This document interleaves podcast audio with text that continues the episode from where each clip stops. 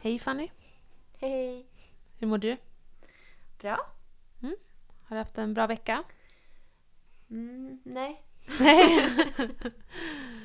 Eh, jag har haft en sjukt stressig veck- vecka. Jag har skrivit tenta den här veckan. Det låter tufft. Ehm, det är min absolut värsta mardröm att göra. Så att, men jag, jag, blev faktiskt, jag lämnade faktiskt precis in den. Så eh, nu mår jag bra. Vad skönt. Mm, Bra jobbat. Du då, mår du bra? Jag mår bra. Jag har haft en bra vecka. Jag har inte alls haft en så stressig vecka. Skönt. Fått lite ledigt. Så det var bra. Mm. Eh, och sen har jag varit på bio också. Mm. Två gånger faktiskt den här veckan. Oj, oj, oj, oj. Ja, jag har varit produktiv.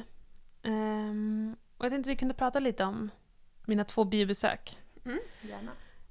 Um, igår så var jag och såg eh, On the basis of sex.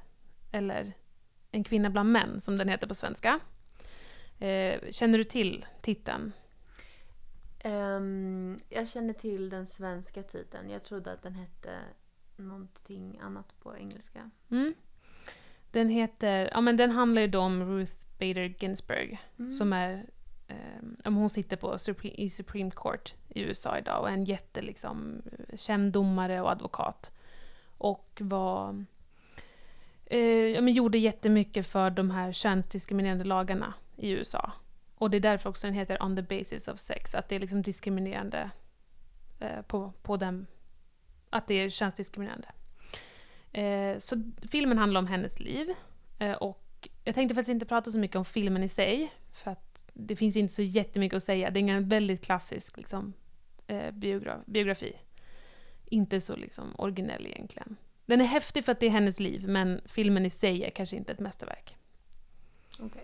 Men det hände däremot en intressant grej eh, efter biobesöket.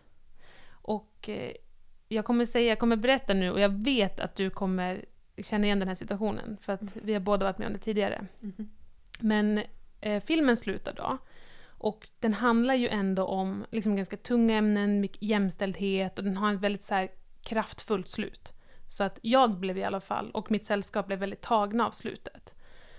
Ehm, och ja, men man går ut från bion och pratar lite och sådär och ja, men är liksom allmänt tagen. Och sen ska jag då gå på toaletten.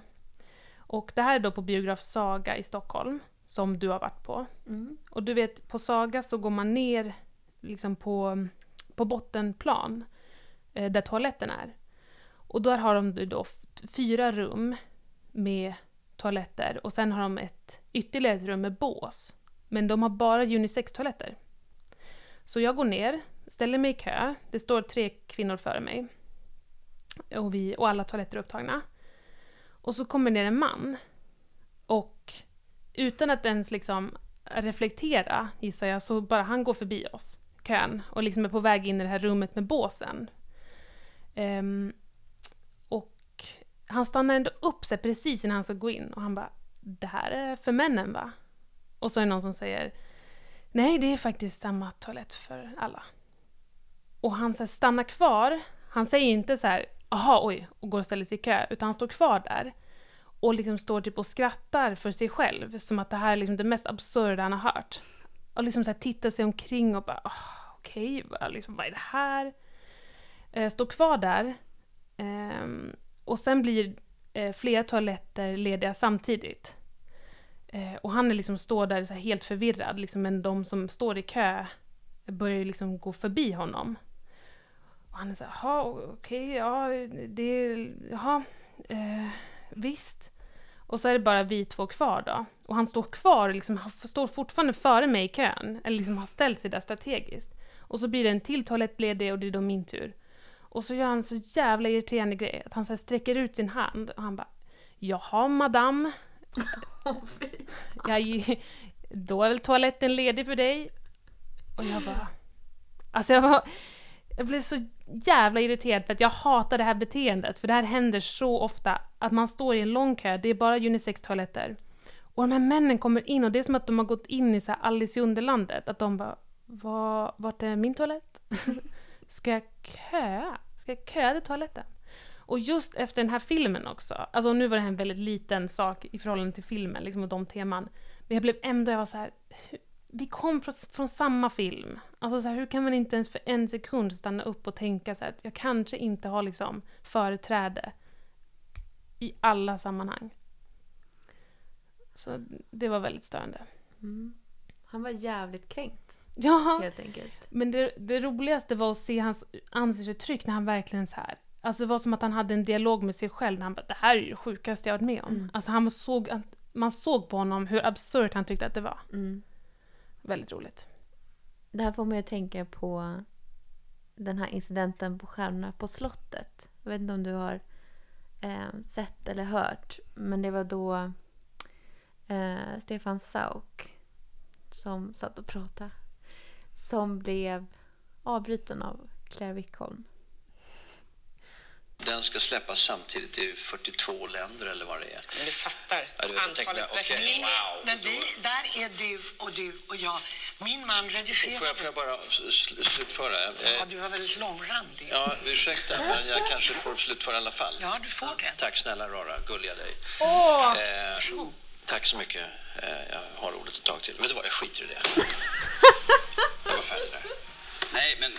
Nej, ska vi, ska, ska, få, få, alltså, är det du som dikterar vem som pratar till punkt eller inte? Nej, men jag tycker att killarna har pratat så jävla Men mycket med era frågor. poängen måste ju få komma till. Men det var dumt av mig. Ja, du, du Jag du ber dig om berätta. Jag ber dig på riktigt om förlåtelse. Ja, släpper. Ja. Fortsätt Stefan. Fine.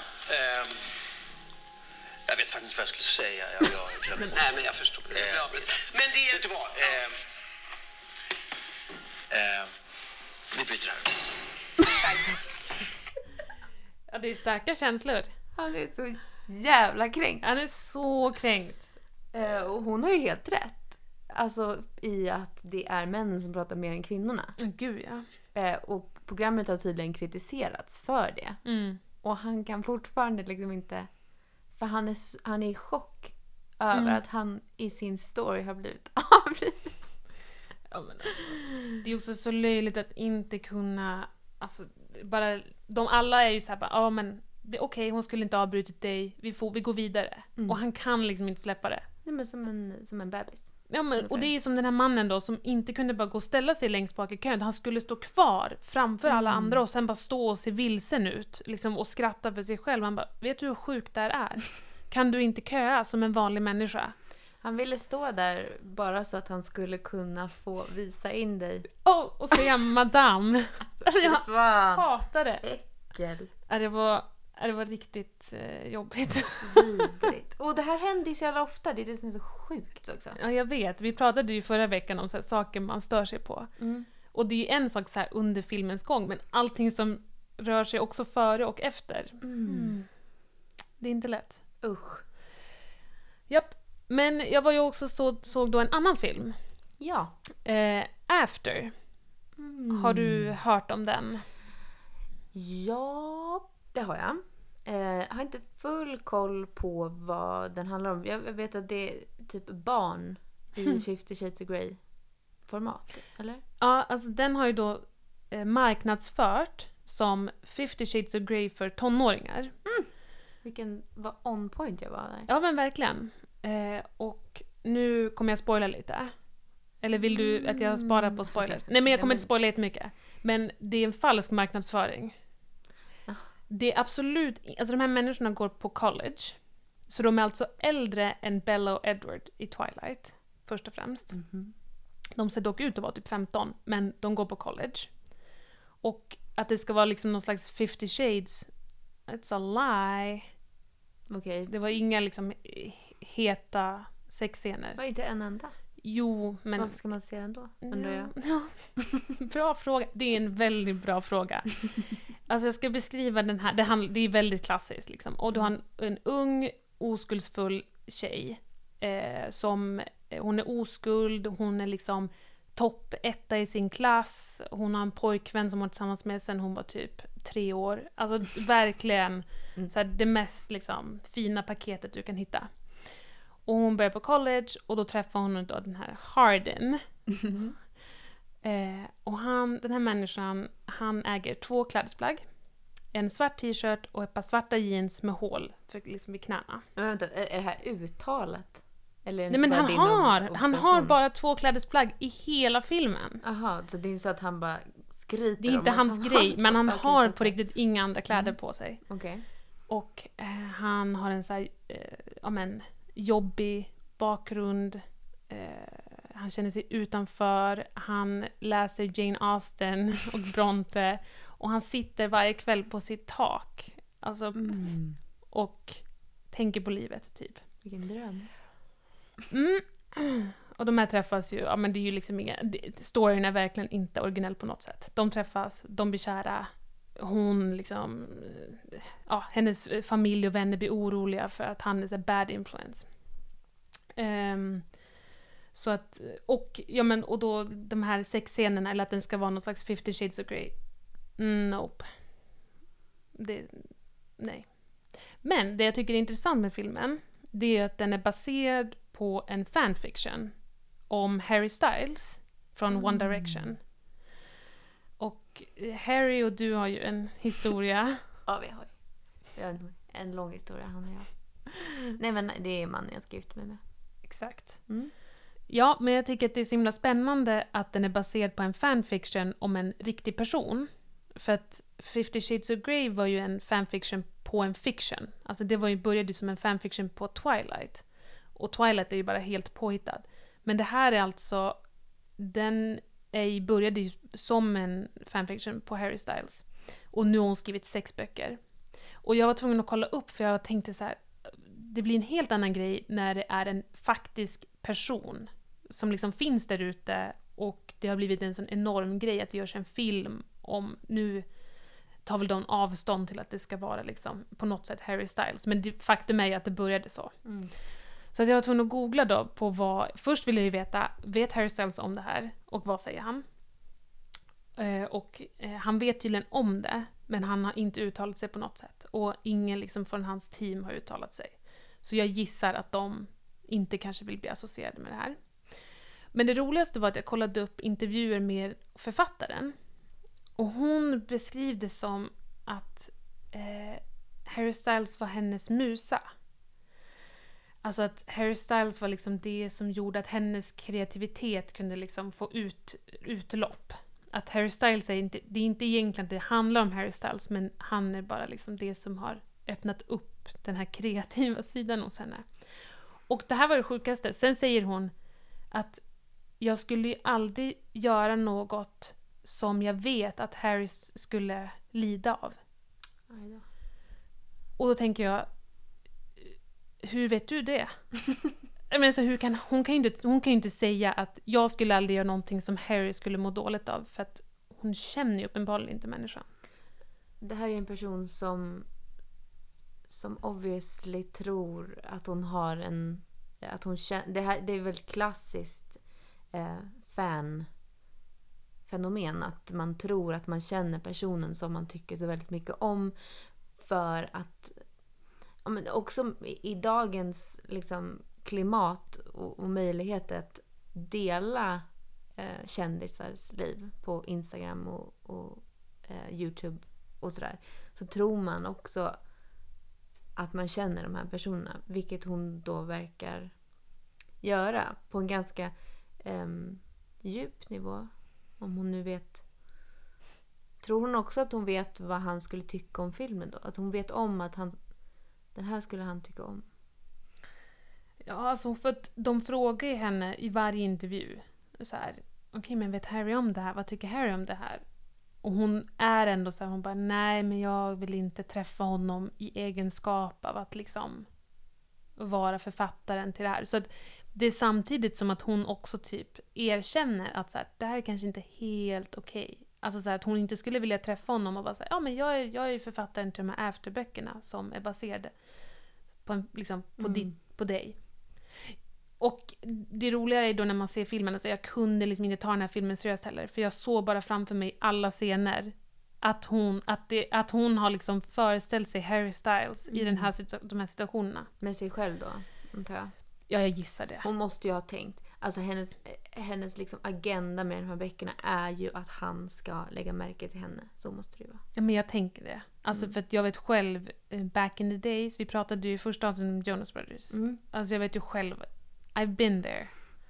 Inget stolt över det, men Men det kanske är det jag ska göra härnäst då.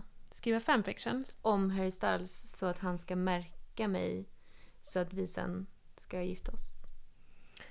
Jag Eller kan vad- inte, vad jag kan du? inte säga 100% att den planen kommer hålla. Nähä. Men du kan ju försöka. Welcome to my favorite place.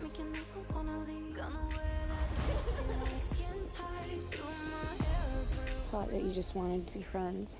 I don't think we can ever be just friends.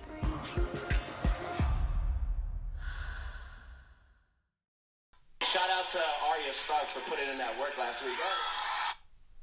Eh, är inte det ganska stort att Drake tackar Arya Stark när han tar emot sitt pris på Billboard Music Awards? Absolut, och väldigt roligt. Alltså så himla skön distans. Att bara... Ja, men när jag såg det tänkte jag att fan, jag önskar att jag hade kunnat vunnit ett pris i samband med det här avsnittet så att jag kunde tacka Arya Stark. För att jag tyckte det var så jävla coolt. Verkligen. Eh, nu går du in på ett minfält. Ett spoiler-minfält Ja, här. exakt, men för just precis, för du nämnde ju spoiler nu när du, när du pratade om den här afterfilmen. Inte för att jag tyckte att du spoilade särskilt mycket. Men det har ju varit, man kan ju inte gå in på internet nu. Den här veckan har det varit helt omöjligt. För det har då varit ett ganska stort avsnitt eh, i Game of Thrones. Tredje avsnittet på åttonde säsongen. Och dessutom så har Avengers Endgame haft premiär. Det känns som att det enda man ser är spoiler alert, spoiler alert på varenda, varenda sak man försöker gå in på. Ja, verkligen. Det är helt hopplöst. Alltså det, och ändå, jag försöker ändå vara så himla noggrann med att jag går inte in på ställen där jag vet att jag kommer bli spoilad. Men ändå blir jag spoilad. Alltså det är alltid någon som lägger upp någonting där man minst anar det. Mm. Men snälla. För jag eh, tycker inte om att bli spoilad. Nej, alltså eh, det är någonting... ehm, det kan vara bland det värsta jag vet, alltså. Att bli spoilad. Och alla är ju inte på samma page eh, enligt det här. Vissa vill bli spoilade. Eh, jag blev ju, både du och jag blev lite spoilade inför det här avsnittet. Ehm, men jag satt med min lilla syster och kollade. Och hon fick sån panik över att inte veta vad som skulle hända. Att hon satt och pratade hela tiden. Hon var så stressad. Och hela tiden rörde sin telefon och sa jag måste gå in och spoila. Jag måste gå in och spoila. Men gud. Och för mig är det liksom så här sinnessjukt beteende för jag är raka motsatsen. Men hon blev så stressad över att inte veta. Hon är, hon är så då som person att hon går in liksom och kollar. Om hon, om hon kollar på RuPaul's Drag Race. Då går hon in eh, om det går. Om hon nu till exempel kollar på en, en säsong inte i realtid som den går i Amerika av RuPaul's Drag Race till exempel. Då går hon in och kollar vem som vinner så att hon ska veta det. Alltså för mig, det, det är liksom förstör ju hela syftet med Ja. att kolla på någonting. Jag förstår inte. Alltså jag förstår verkligen inte varför man medvetet går in och typ kollar slutet på en film. Eller liksom läser om slutet på en film före man ska se den. Jag kan göra så om det är typ att jag är nyfiken, jag kommer aldrig se den här filmen. Jag vill bara veta för skojs skull. Men om man typ precis ska sätta sig och kolla en film och sen bara, jag ska bara gå in och kolla hur den slutar. Varför skulle man göra det? Nej men jag kan, jag kan faktiskt inte relatera överhuvudtaget. Men eh, Avengers Endgame, har du sett den? Nej, jag ska se den imorgon faktiskt. Så att, eh, och det här är ju det, halva njutningen är ju bara att så här, då är man fri. Då har sett den. Ja, men alltså jag känner nästan att alltså, för mig, taggen för att se filmen har nästan försvunnit. För att jag nu... Nu har det tagit, tagits över av faktumet att jag måste se den så att jag inte ska bli spoilad. Ja, verkligen. Jag måste se den här filmen så att, jag kan, så att jag kan gå vidare med mitt liv och gå in på sociala medier Åh, utan att vara rädd att bli spoilad. det är så tragiskt.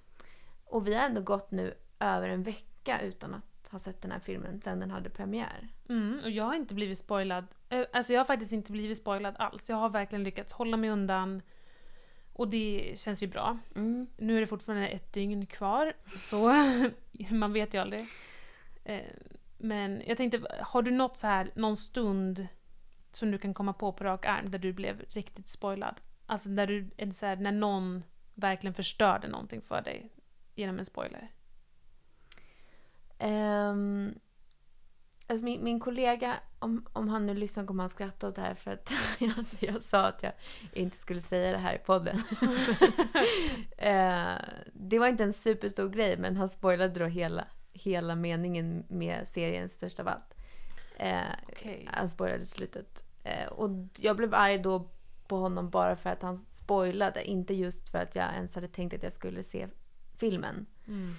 Eh, däremot så, samma syster som brukar eh, vilja spoila för sig själv eh, brukar spoila omedvetet för mig.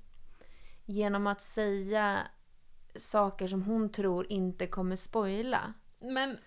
Så Åh. ofta när vi till exempel då har koll, om vi kollar på RuPaul's Drag Race och hon har sett den säsongen. Så sitter hon och säger så små kommentarer. Eller typ som så här, vilka är, vem är hennes favorit och så här. Och då, då spoilar hon ju. Ja. Och det var så roligt för hon tog själv upp ett exempel på det här. För hon ville så gärna berätta om någonting som hon hade läst inför Avengers. För hon hade då sett den. Och jag ville knappt ens prata med henne om det här. eh, För att jag var så rädd att jag skulle bli spoilad. Men hon ville berätta om att hon hade läst, för hon tyckte det var så roligt.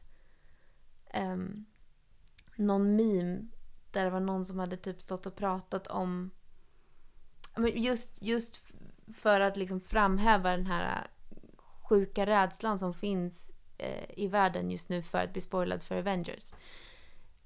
Då, då var det alltså någon som hade typ lagt upp en meme där det var en person som stod och pratade i telefon och sa typ eh, vad sjukt att Batman inte var med i Avengers.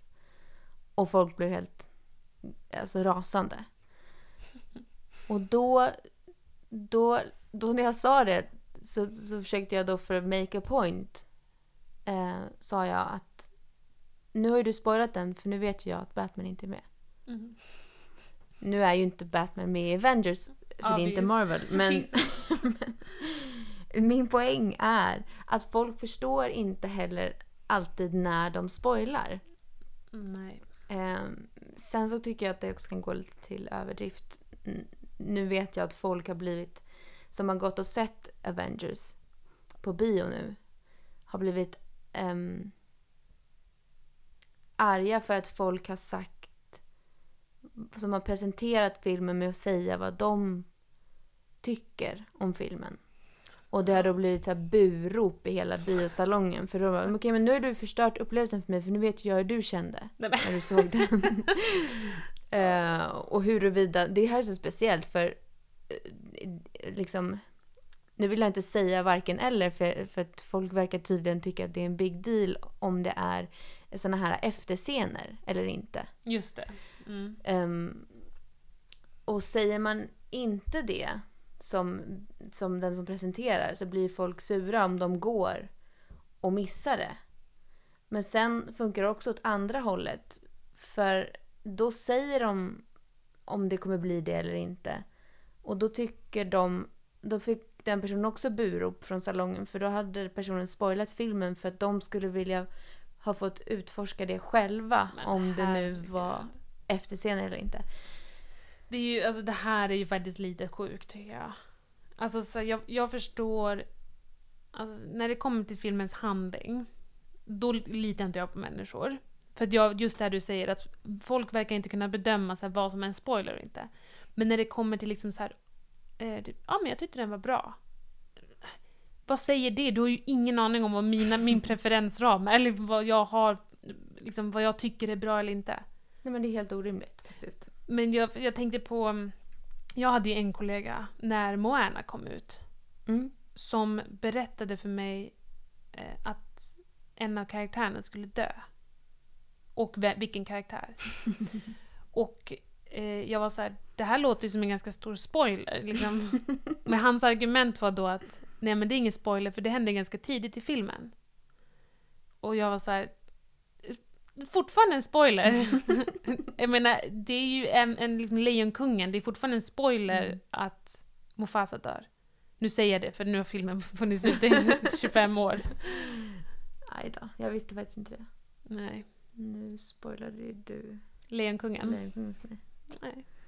Nej men eh, det är en sjuk jävla business. Och just nu så känns det som att det bara, alltså jag, jag men som sagt jag finner inte ens någon glädje av att gå och se den här filmen längre.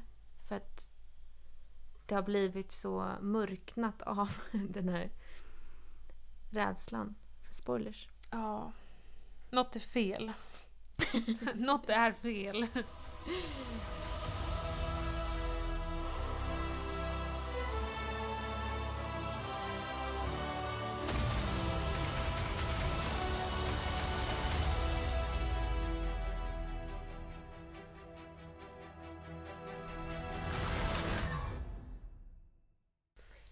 har du något ämne som du vill prata om? Mm, just det.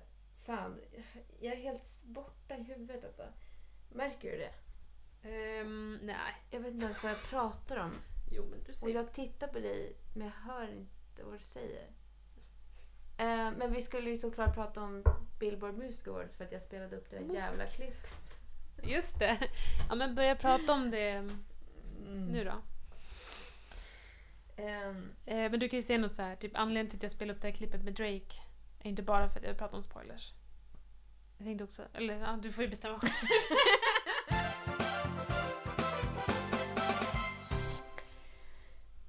I mitt tacktal när jag vinner en Billboard Music Award så ska jag inte, förutom tacka Arya Stark, så ska ska jag uppmana folket, publiken, att inte spoila Avengers för mig.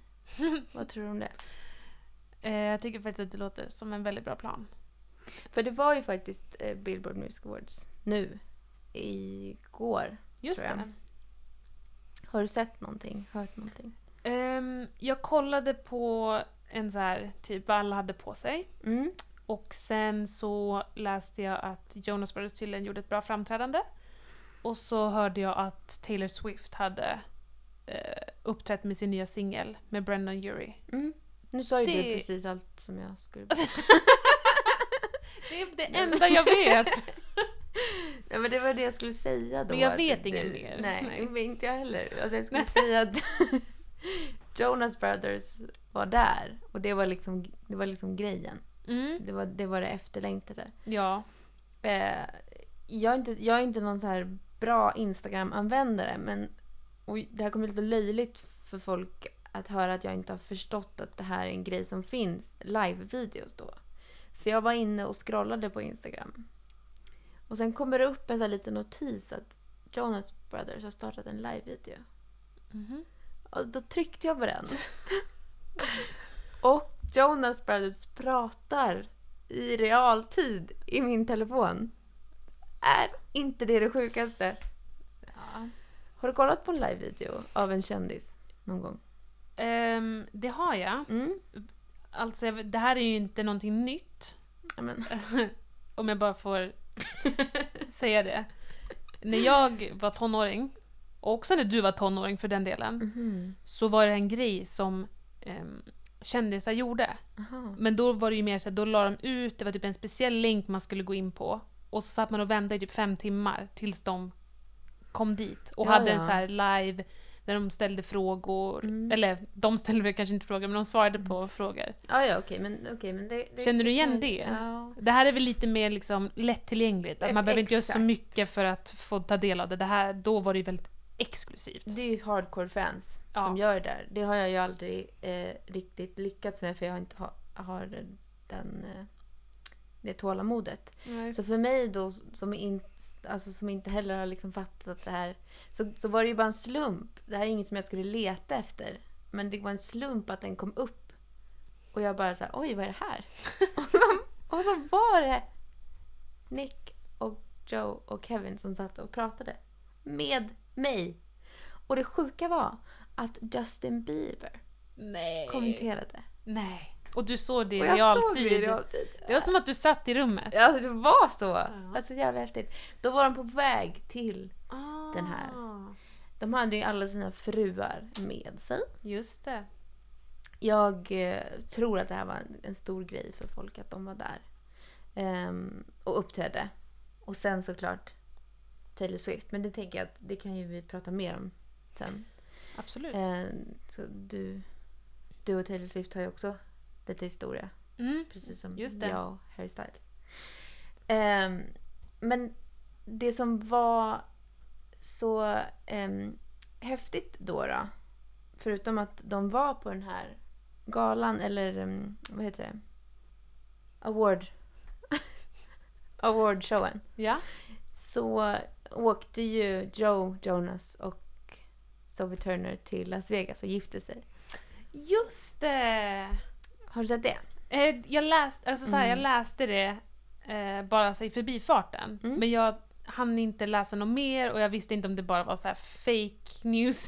Så jag tänkte att jag faktiskt skulle fråga dig det. Mm. Om du visste något mer om det. Om det faktiskt hände. Det, det hände. Det hände. De gifte sig i Vegas med en Åh. Elvis-präst. Såklart. Eh, superflamsigt.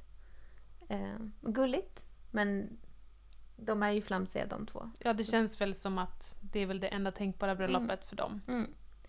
Alltså jag tror säkert att de kommer göra om det i och för sig. Men det tyckte jag var jättegulligt att, de, att det blev så här, att de gjorde en sån... Jag vet inte om det var spontant, men det verkade ju så. Mm. Men Taylor Swift, har du sett hennes framträdande? Ja, jag såg, jag började se det men det hackade ganska mycket på när jag satt på tåget. Mhm. Men eh, jag hann se liksom hela estetiken, jag hann se typ när hon började sjunga. Mm. Ehm, och jag har ju sett musikvideon till den här låten, Me. Ehm, så att jag, jag känner ju till låten. Mi? Me, Mhm. som singeln heter. Okej. Ja, precis. Ja, precis. Singeln Mm. heter Me. Och eh, musikvideon är ju väldigt så här supermycket färger och Mm. det är bara liksom tusen intryck. Eh, lite, jag tycker det är lite för mycket. Det är inte riktigt så här. Jag tycker inte att det är jättetilltalande. Och sen var det han då från Panic at the Disco. Exakt, Brennan Urie. Mm. Som är världens snyggaste person. Det där kan jag inte förstå. Nej men det är världens förstå. snyggaste Nej, men, person. Alltså jag kommer ihåg när de kom med den här Ja, Haven't you people ever heard of? Att folk var helt besatta av honom. mm. Och hans läppar typ, eller? Eller tänker jag på fel person? Det kanske Det är han som något med hans läppar. läppar. Mm, Eller? Nej, det vet jag inte. Jag Eller? Har är fylliga han. läppar. Jag vet bara att han är otroligt vacker. Mm. Men- Och han är ju jätteduktig, så jag tycker att de två är en väldigt bra duo. Alltså Mhm. så jag tycker att det är ganska bra, de, de låter väldigt bra tillsammans. Mm. Men eh, jag såg ju inte hela framträdandet, så jag vet inte hur det var live och vad de hade för kemi. Nej, inte jag heller. Jag kollade på två sekunder av musikvideon och stängde av. För jag, jag har ju väldigt svårt för Taylor Swift. Inte av samma anledning som du då, att hon tog din man Joe Jonas ifrån dig. Ja. Eh, men jag har väldigt svårt bara för henne som artist. Jag, jag tycker inte om hennes röst. Jag tycker hon är jobbig när hon sjunger. Jag tycker hon är jobbig när hon pratar. Jag tycker att hon är jobbig när hon dansar. Det är det värsta jag vet. Alltså, Mm. jag, förlåt, men jag, alltså, jag, jag hatar henne. Jag har, jag har ju väldigt svårt... Det, det roliga med Taylor Swift är att jag började som ett jätte, jättestort fan av Taylor Swift. När hon kom med den första skivan, country, alltså det var verkligen... Det, det gick rakt in. Och sen hände ju tyvärr det här med Joe och det är ju så, här, det är ju så löjligt och tråkigt att det är liksom ens en grej. Men det la ju sig. Men sen har jag fort, sen har jag, har jag haft väldigt svårt för henne. Det har Lite legat av som sam- ett mörker Ja, det har varit som ett mörkt, tungt täcke över min relation med henne. Mm. Eh, Men nej, jag, jag har faktiskt haft väldigt svårt med henne också och just det här... Eh, ja, men jag vet inte, hon, hon har gjort lite så märkliga, så lite där white feminism-uttalanden. Mm. Och typ att så här, du vet när Nicki Minaj kritiserade att det inte var så många svarta kvinnor som var nominerade. Så Taylor var så här. Men hallå, kan inte vi alla vara vänner? Du ska inte gå på mig liksom. Nu är ju du eh, inte feminist. Alltså du vet lite den stilen. Mm. Eh, och sen har ju inte hennes musik tilltalat mig de senaste åren. Nu när det mer bara är pop. Mm. Eh, för när hon gjorde country kände jag ändå att då gjorde hon det till sin grej. Att hon var så country, hon var en ung kvinna, vann jättemycket. Hon liksom ruskade upp den ganska dammiga genren. Jag kommer bara ihåg att jag, var- att jag hatade henne redan då. Ja. Jag tyckte det var jobbigt att hon kom och skulle vinna countrypriser över Dolly Parton. Fast hon gjorde ju country i början. Ja men hon gjorde det inte bra. Fast, Det var en jävla Ja. trall-Maja. Förlåt men, jag, alltså, nej, men jag, jag, jag tycker... Eh, förlåt men jag, För grejen är jag kan uppskatta henne. Alltså jag kan uppskatta henne som artist. Och jag kan förstå att hon är en charmig person med talang. Men det är inte min grej. nej. Så att jag är helt med. Alltså jag kan förstå. Jag tycker inte att det är orimligt på något sätt att hon har blivit så, så eh, populär. Och att hon är, har också en så otroligt eh, dedicated fanskara. Mm. Jag förstår det. Men jag vill inte vara del av det. För att jag har ju rannsakat mig själv ganska mycket just det där. För att jag känner att det inte är så här... Jag känner att hon lockar inte fram en så attraktiv sida hos mig själv.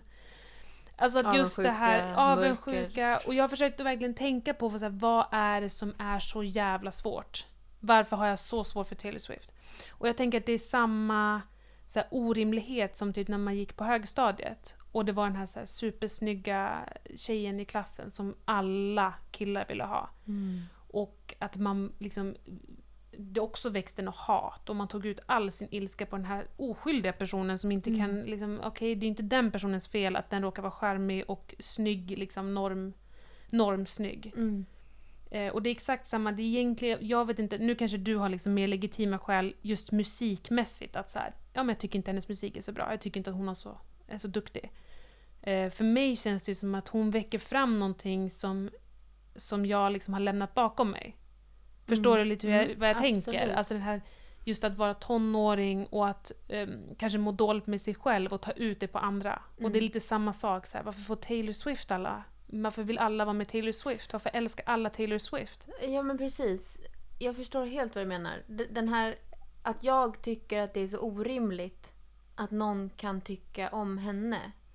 Ehm, ja men alltså hon har ju dejtat varenda person känns det som.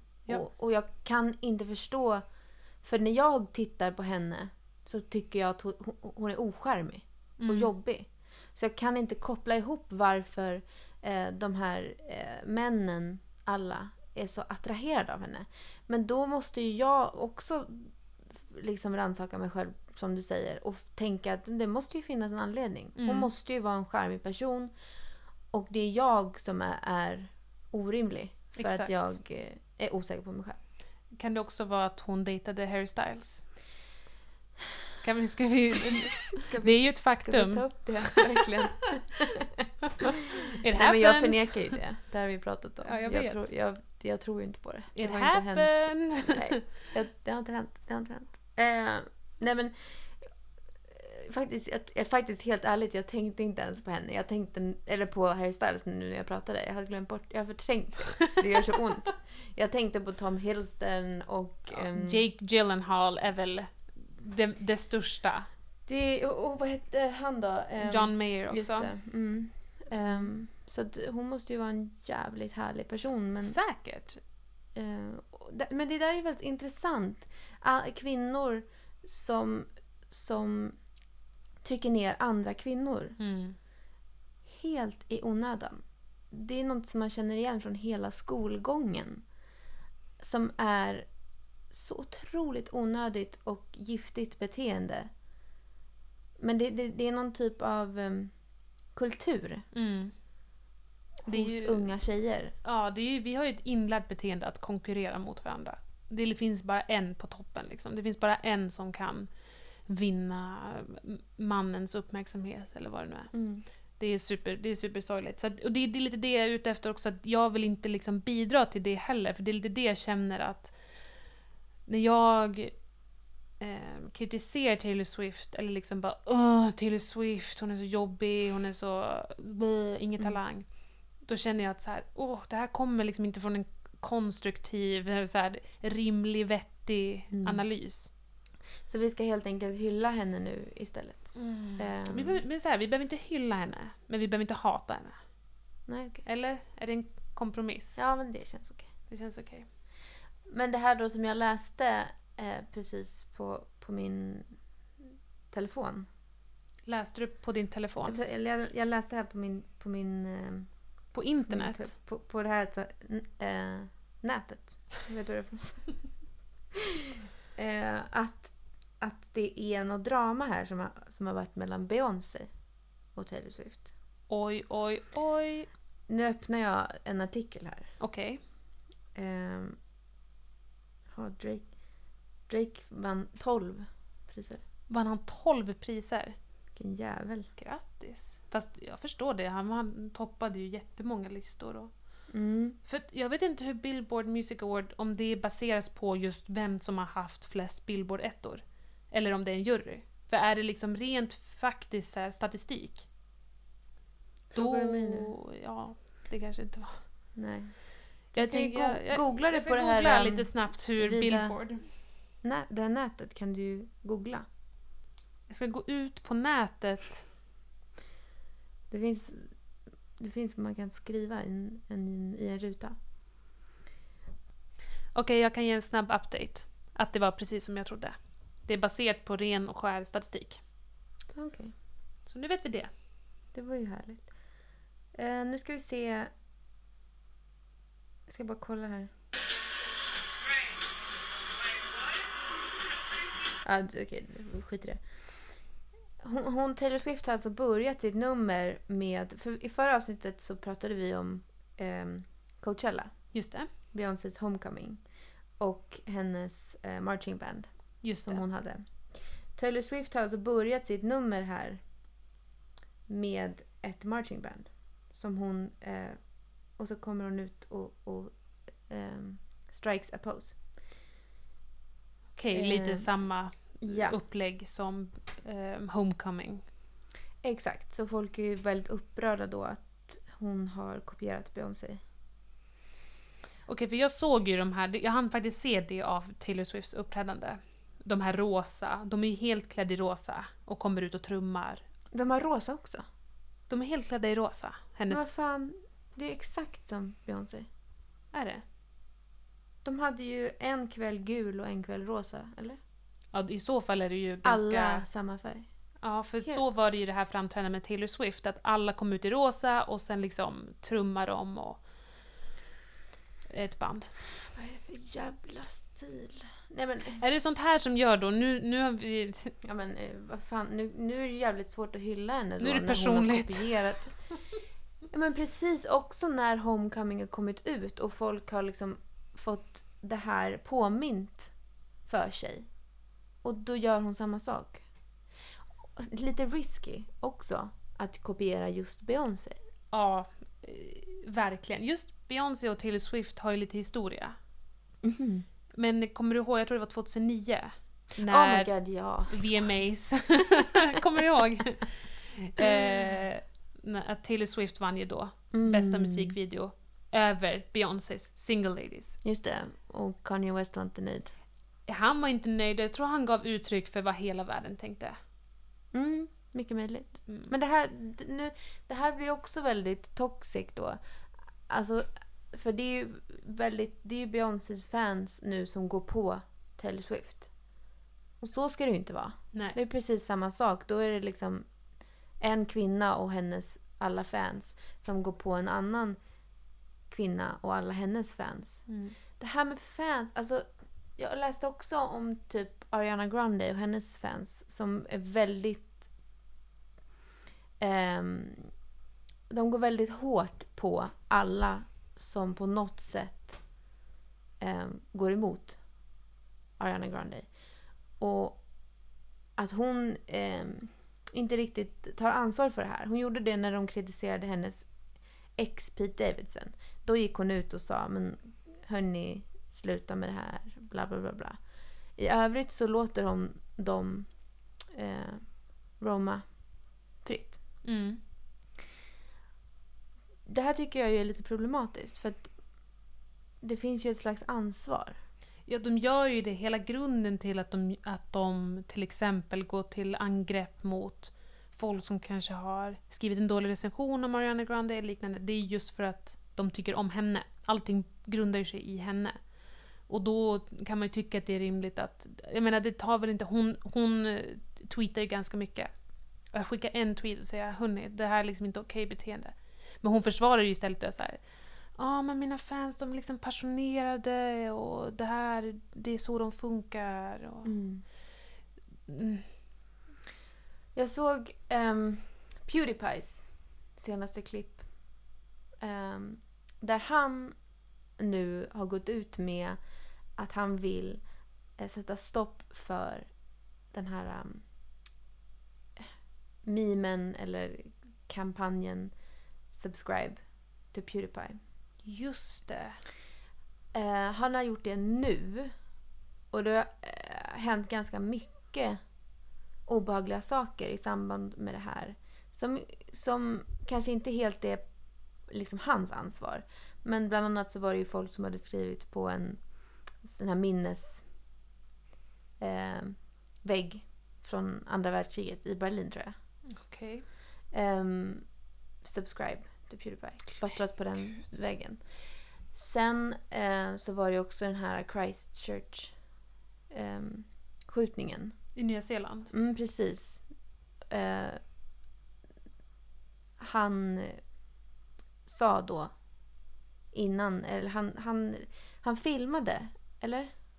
Jag vet faktiskt inte så mycket om det här och jag har inte så bra koll på hela den här Pewdiepie subscription. Alltså jag vet Nej. att det har varit en grej Mm. och att Pewdiepie har varit ganska blivit ganska kritiserad också för att han har gjort väldigt mycket problematiska saker. Mm. Men jag vet inte, jag har inte sett den här videon. Nej, men nej, nej precis. Men och jag tror att den här ehm, ehm, mannen då som utförde det här terrordådet filmade och då sa subscribe to Pewdiepie.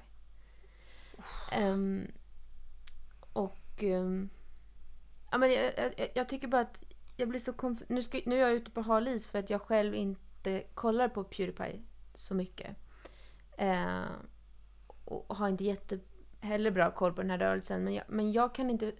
Jag tycker det är så otroligt obehagligt att en person som gör någonting sånt här kopplar ihop det med en YouTube-kanal som gör filmer, eh, gaming. Mm. Alltså det är väl det Pewdiepie gör. Alltså, eller från början i alla fall. Ja. Att han filmar när han, när han spelar. Ja, precis. Sen har det väl växt till något större, att han också så här. Han pratar ju väldigt mycket om memes och liksom en, en del av internet och en viss liksom community som jag personligen inte liksom umgås med Mm. eller liksom har någon, har någon större koll på. Men att det har ju växt till en hel, en hel kultur. Mm. Och om inte det är en wake-up call, att det här händer och att bli associerad med den typ av händelse. Vad, alltså vad... För att jag skulle, ja, skulle bli väldigt förvånad, tänk om man, om man inte hade tagit avstånd efter en sån grej. Sen kanske han borde tagit avstånd långt före. Ja, precis. Det där tycker jag är så jävla svårt också. För att såklart, alltså han är då den person som har mest subscribers i hela världen. Han kan ju självklart inte kontrollera hur alla människor, alla de här människorna tolkar honom. Eh, och nu, som du säger, så har väl han kanske också sagt vissa problematiska saker. Men det känns som att alltså liksom den storleken som det har blåst upp till. Alltså hur, vad folk tar det här vidare till. Har väl han kanske inte så stor kontroll över. Förstår du vad jag menar? Jag förstår, men det är lite samma sak som med Ariana Grande eller Taylor Swifts fan. Att de kan ju inte heller ta allt ansvar för vad deras fans gör. Nej. Men att bara gå ut och ta avstånd från det, det är ju ändå ett, en signal. Och det har han ju gjort. eh, Alltså han, eh, jag förstår det som att han har efter båda de här händelserna gått ut och bett om ursäkt liksom, via eh, Twitter och sagt att det här är ingenting som, som jag vill ehm, associeras med. Eller Mm. så. Ehm, och ingenting som jag, jag vill ska hända i mitt namn heller. Ehm, men att han nu då har gjort en video på sin YouTube-kanal eh, till slut och, och sagt att det här, nu är det slut Mm. med den här rörelsen. Ja, det är ju... Det är väl bra, Mm. antar jag. Jo, Eh, precis. Det är viktigt, men... ehm, Mm. Alltså det är jättesvårt. Det är svårt när det också blir större händelser, när det tas till en helt annan nivå, när det tas utanför liksom det här communityt. Att det sprids till det riktiga samhället, eller vad man ska säga. Vilket låter helt absurt, för det är klart att de är en del av alltså, samhället. Mm. Men det blir ju ändå som att man går över en, det blir passerar en gräns. Mm. Och en tröskel när det inte bara är på Youtube längre. Precis. Precis, och det är det, det, det är det som är så otäckt att den här personen då som, som sköt alla de här människorna tycker att det finns någon typ av... Att han tycker att det är rimligt att koppla ihop det här med, med subscribe to Pewdiepie. Där får man att tänka på en annan händelse. Eh, Kommer du ihåg den här rörelsen Incel? Nej. Eller rörelsen, men det var ju alltså, det här är ju helt, det här är helt absurt. Men det är de män som är um, ofrivilligt celibata. För att uh, de menar att samhället är byggt så att oattraktiva män, att kvinnor har makt. För att uh, det är liksom att det, om man nu råkar födas som oattraktiv så jaha, ja, då har man samhället emot sig. Typ. Att då kan man aldrig få en, en, en kvinnlig partner. Mm. Och, ja, det, det är liksom en hel grej. Mhm. Ehm, det här började ju som en, ja men typ en grupp på Reddit, kan jag tänka mig. Mm. Alltså det började på ett community på nätet, ganska liksom isolerat. Men sen så var det ju en, en jag vet inte om du minns den attacken i Kanada när det var en lastbil som körde liksom genom ett, det var några år sedan, som körde genom ett, en folkmassa och dödade typ 10 personer. Mm. Han var, kom ju då, alltså han stod ju bakom det här incels eh, communityt och ville ge sin hämnd på världen för att han har drivits till det här då på grund av att han då har fötts in i den här lotten i livet.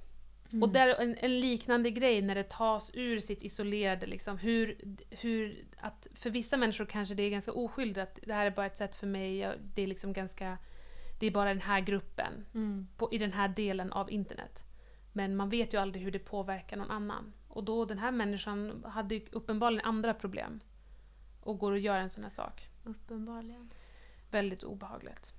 Men det där är väldigt intressant ehm, för att bygga vidare från det. Alltså en person som utför ett sånt dåd, den personens psyke.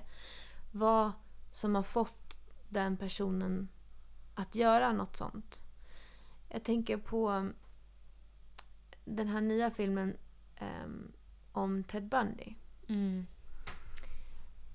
eh, med Zac Efron i huvudrollen. Den har ju premiär snart. Och den har ju fått väldigt mycket kritik för att den eh, förskönar bilden av honom. Medan skaparen eh, tycker att det finns ett syfte med att se hur den här personen betedde sig då i den här ja, men kärleksrelationen och framförallt det som är intressant med Ted Bundy är ju hur charmig han faktiskt var som person. Och att han, att han tack vare det och såklart hans liksom white male privilege kunde komma undan med de här grejerna. Tycker du liksom att de borde ha gjort På ett annat sätt. på ett annat sätt? Mm, alltså den där, jag, jag har ehm, läst väldigt mycket just om de här reaktionerna och det var framförallt den här trailern som de släppte när de framställde honom, alltså de hade en så här, eh, rock'n'roll-låt Mm. och ja, men att han framställdes som väldigt charmig och liksom att det romantiserade honom. Mm. Men jag är lite såhär, jag, bara, jag håller med, eller liksom just att det visar ju också hur det var, hur han framställdes. Mm. Sen vet inte jag hur de gör det i filmen. Jag tror att allting kommer att hänga på hur det faktiskt är i filmen. För jag hoppas ju i så fall... Så här kan jag tänka mig att det är. Mm. Och det är det jag hoppas att det är. Att filmen börjar just med det här, kanske lite romantiserande, alltså att man får se hur charmig han är. Och sen att det kommer liksom en väldigt, väldigt mörk vändning någonstans i mitten. Mm. Och det blir liksom väldigt påtagligt hur fruktansvärd och vidrig han var Mm. egentligen. Mm. Men, men det är ju väldigt svårt, jag förstår att folk reagerar, för jag reagerade faktiskt också när jag såg trailern. Att Mm, det var lite så okej. här väldigt lättsamt. Mm. Men samtidigt kanske också var tanken att väcka de reaktionerna. Men precis. Ja, kanske. Men jag reagerade snarare som att jag tyckte att det var obehagligt. Alltså att det förstärkte obehaget av den här personen. Mm. Ehm, om du förstår vad jag menar. Att det blir liksom... Alltså det är det som blir så otroligt obehagligt när man får se honom framställas så. Och sen vet man ju... Då, jag tror att de som har gjort trailern tänker att man vet vem Ted Bundy är. Exakt. Och att det då ska bli ja, men bara sjukt att se honom eh, framställas på det sättet när man också vet om vad han faktiskt har gjort. Mm. Ja, det ska bli väldigt spännande att se filmen. Mm. Ehm, jag kommer inte ihåg, den har en så lång titel. Incredibly wild eller... Extremely vile. No, ja, men, Vile. Nej? jo, vile. Extremely wicked and vile. Extremely wicked, shockingly evil and vile. Okej. Jag är väldigt nyfiken på att se Zac Efron. Han är inte en person som någonsin har lyckats imponera på mig. Så att eh, jag är super nyfiken på att se honom i den här rollen. Mm, jag har faktiskt eh, hört de första rapporterna. Okej. Som talar väldigt gott. Är det så? Ja, om just hans prestation. Eh, nu säger de i och för sig så här. Zac Efron gör sin livsprestation. Det Zac Efron har ju inte så mycket. Så att, men jag, jag tror att de ändå menar Mm. att han gör en jävligt bra roll. Och jag hoppas det, för att jag tycker, såna, jag tycker sånt är väldigt roligt. Lite såhär Matthew McConaughey när han kom så här, från att ha gjort de här romcoms, Mm. bara vara den här surfer dude. Och sen kommer han och bara så krossar Mm. allt. Jag gillar det. Jag hoppas Zac Efron kan göra en liknande grej. Ja, det ska bli spännande. Let's get back to plotting my escape here. Har du Har hört? hört? Men sluta! Säg, säg nu, säg nu. Har du hört om den här nya filmen Ophelia? Men sluta! Nej, det har jag Nej, inte. men nu kan jag inte säga. Jo, men det är roligt. Nej, men då är jag förstörd. Okej. Har du hört om den här nya filmen Ophelia? Nej. Okej. Ehm, det hade inte jag heller nämligen, förrän den bara ploppade upp, trailern, Mm. som precis har släppts. Det här är alltså en, fil- en ehm, filmatisering av Hamlet, Mhm. men det är gjort ur Ophelias perspektiv. Interesting. Yes. Yes. Och det är Daisy Ridley som spelar Ophelia. Okej. Och eh, Hamlet spelas eh, av eh, George McKay som är med i Captain Fantastic. Han spelar den äldsta sonen. Ja! Ja, jag vet. Jag vet. Åh, jag älskar honom. Ja. Och jag slogs av, för att vi har ju pratat lite om det här med trailers och att, att jag stör mig nästan 99% av fallen av trailers för att jag tycker att de visar för mycket eller så är de bara ooriginella. Mm.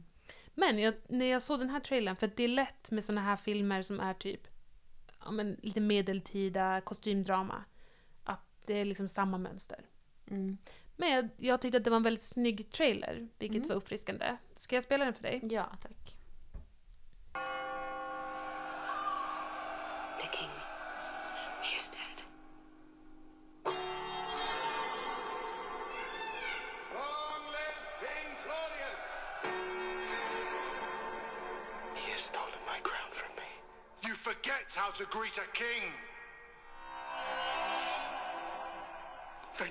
Mine.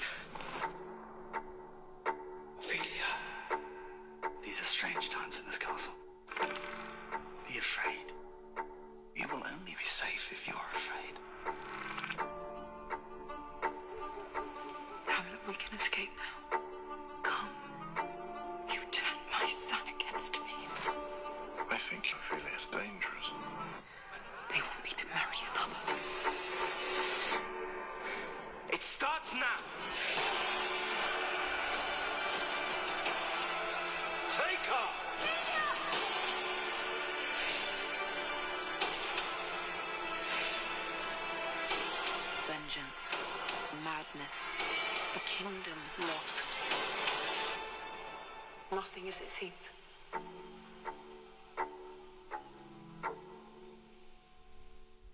Okej.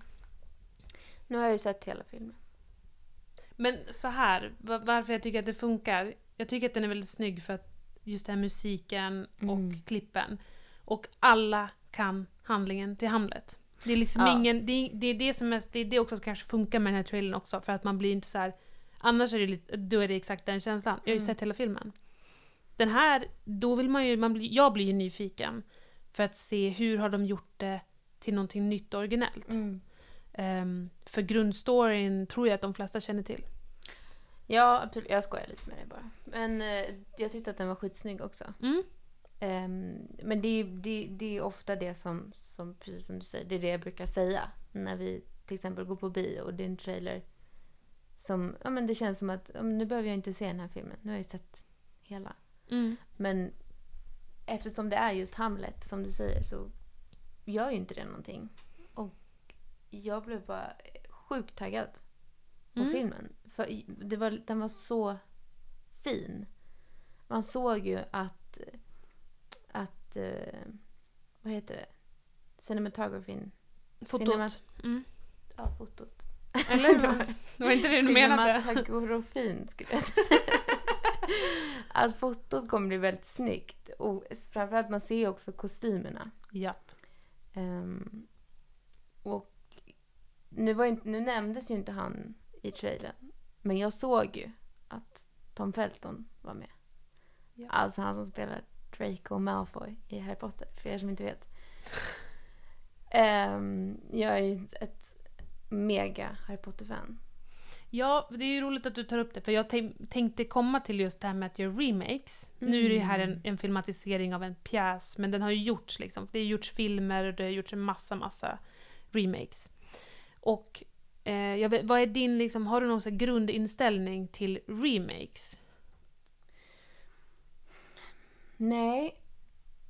Nej, alltså min grundinställning är väl alltid positiv. Men det, det beror ju absolut på vilken typ av film det är. Om det är typ en remake av en film som jag kanske inte tyckte var bra från första början. Då kanske man går in med en lite mer avvaktande, skeptisk inställning. Eller tvärtom. För jag tänker... Tvärtom. Ja, Om det är en film som man tycker om, då är man skeptisk. Däremot om det är en film som man kanske... Eller om det är en film som man inte ens har sett. Om man inte har sett originalet eller någon av originalen. Um, eller om det är någonting som man har sett men inte varit så imponerad av. Då är det ju väldigt spännande att se. Uh, då blir det ju som att se en, en ny film egentligen, tänker jag. Ja, vi pratade lite om det här förra veckan just med Disney. Men för att jag tänkte mycket på det här, alltså nu när jag såg trailern och jag började fundera själv på vad, liksom om det finns något absolut nej. Det här vill jag inte att man ska göra en remake på. Och jag tänkte fråga dig om Harry Potter, eftersom du är ett väldigt stort Harry Potter-fan. Hur, skulle du ta, hur skulle du känna om fem år om de bara, vi kör en remake, vi kan göra det bättre. Eh, oj, om fem år? Absolut inte. Om 50 år. Alltså svårt att säga. Alltså instinktivt, instinktivt så gör det ju ont i hela kroppen när du säger de här orden. Exakt, det var det jag Eh. tänkte att du skulle känna. Däremot är jag väldigt positiv, vilket många Harry Potter-fans inte är, till de nya fantastiska vidunder. Just det. Är jag ju väldigt positiv till. För att det är en ny, för mig är det bara en ny dimension av den här världen som Harry Potter är i. Eh, och allt det tycker jag är roligt. Men frågan är om jag, om jag skulle vilja se att det som, det som utspelar sig i de film, åtta eh, Harry Potter-filmerna, om det skulle göras om. Det är svår, nej, den, den känns jobbig. Ja, för jag har ju lite samma med Sagan om ringen. Och jag Oj, vet oj, oj, ju, ja, ja och jag vet ju att det kommer hända såklart. Och jag menar, de Mm. håller, eh, Amazon håller ju på att göra en tv-serie. Ja, men det är, något, det är ett annat format. Det är ett annat format Skulle- och det är jag öppen ah. till. Men om de skulle göra om filmerna, Nej. alltså förstå och typ på en annan plats. Alltså bara att de här. Amazon-serien ska ju utspela, den, de ska ju filma i Skottland. Och det blir säkert jättebra. Skottland är jättevackert säkert. Och det, men, men fortfarande att det inte är Nya Zeeland, det är inte de här platserna som Peter Jackson de har valt ut. Nej men det kan, men det, men det, alltså, det kan de inte göra. Alltså ingen kan göra det. Ingen på hela jorden kan ju vara så dåraktig att de försöker göra om Sagan om ringen. Och det är det jag tänker, alltså Hobbit. just... det får man gärna göra om. Eh, ja, men just det här att som filmskapare ändå känna så starkt att... Nej men typ Hamlet. Alltså hur många måste inte tänka Åh, Hamlet, hur många gånger har vi inte se- sett Hamlet eller en variant av Hamlet? Nu gjorde ju de, nu tänker de så här, men vi gör det utifrån Ofelias perspektiv. Alltså just som filmskapare att ändå måste man känna så otroligt starkt att jag kan göra det originellt. Jag tänker typ på Star is Born. Att Bradley Cooper måste ju ha känt att jag kan göra det originellt, jag kan göra det nytt och folk kommer tycka om det. Och Ja, obviously var han ju, hade han ju rätt. Ehm, men att just det här att man måste ju ändå vara lite dåraktig, att så här, ta sig an någonting som har gjorts, och om, speciellt om det har gjorts bra. Ja men exakt. Exakt. Hamlet.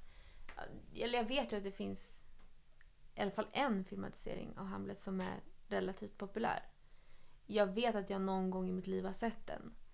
Men det är inte så att jag ens skulle kunna liksom se den framför mig om jag blundade. Kan du det? Nej, men jag tänker också på typ Romeo och Julia.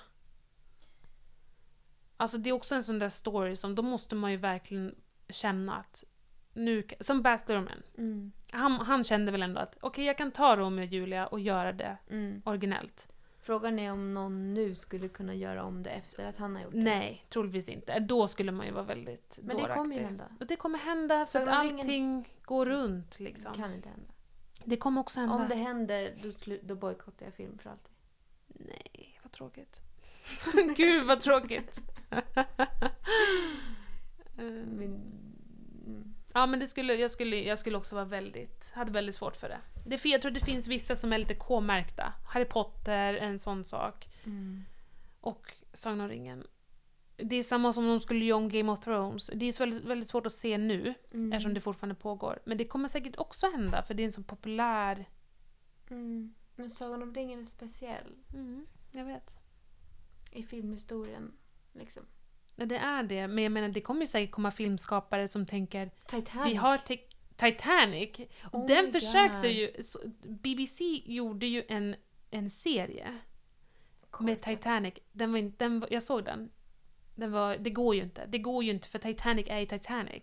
Men den, Det hade dock varit Den hade varit den här var rolig. rolig. Ja, det är sant. Om, om tio år kanske. Ja, just för att vi brukar ju skratta lite åt Titanic just med tekniken, animeringarna. Alltså det ser ganska löjligt ut. Sen har de en väldigt bra grundstory och just den här kärleksberättelsen. Mm. Men nu har vi ju tekniken på vår sida. Mm. Det kanske är samma som folk kommer tänka med Sagan om ringen om typ 20 år. Att, men vi har tekniken, hörni. vi kan göra det ännu bättre. Vi kan göra de här fight-scenerna. Men det var ju så de tänkte när de skulle göra Hobbit. Och, Och det blev inget bra. You learn to take life as it comes at you. This ship docks, I'm getting off with you.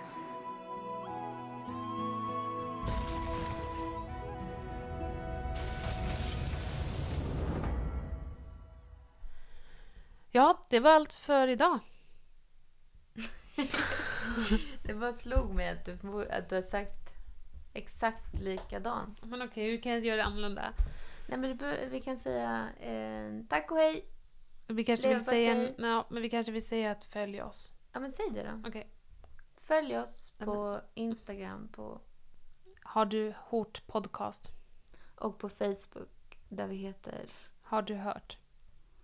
Och Glöm inte att prenumerera på vår podd där ni lyssnar på podden och betygsätta den. med fem. Ja, Fem fem av fem. stjärnor. Fem stjärnor. Det är fem är max så därför sätt fem stjärnor. Ja. Tack för idag. Och Vill du säga något mer? ni kan alltid mejla oss på harduhortpodcast.gmail.com Mm, gärna. Nu kan du få säga hejdå. Hej då! Hejdå!